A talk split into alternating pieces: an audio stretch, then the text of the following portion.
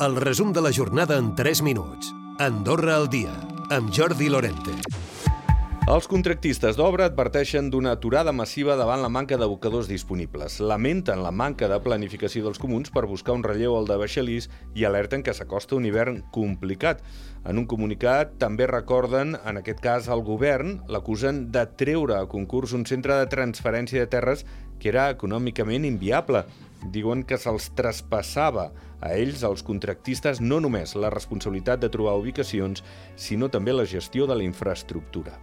I atenció a les hipoteques i als crèdits, perquè el Banc Central Europeu ha decretat un nou increment del tipus d'interès de 0,75 punts, fins al 2%.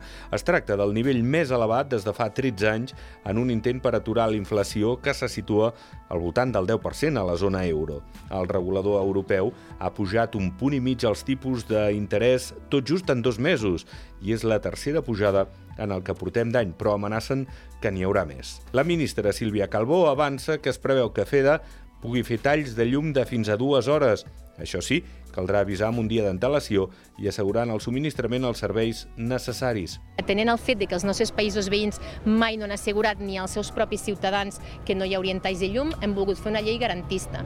I dic garantista per què? Perquè, per exemple, aquesta llei el que dirà és que s'han d'avisar doncs, els clients 20, 24 hores abans.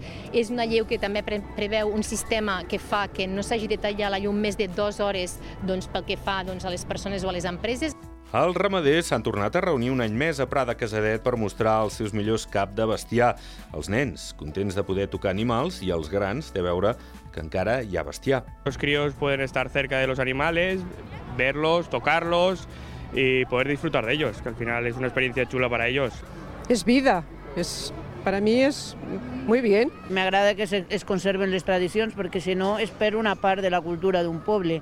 El Vide Dressing de la Massana torna de l'11 al 13 de novembre. Ho fa amb el doble de capacitat per donar resposta a més de 90 parades de moda i complements de segona mà. A diferència de les darreres edicions, enguany el mercat tindrà dues ubicacions, l'edifici de les Fontetes i la Closeta.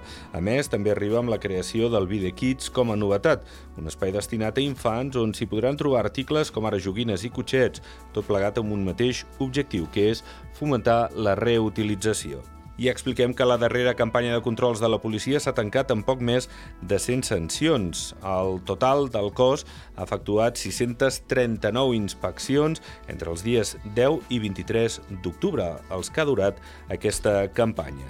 I presenten el Pla de la Cultura, que compta amb 284 accions, una cinquantena de les quals ja s'estan implementant o ho faran properament. S'estructuren en quatre grans objectius, la identitat i la cultura, els drets culturals, el suport estratègic i la governança i la gestió.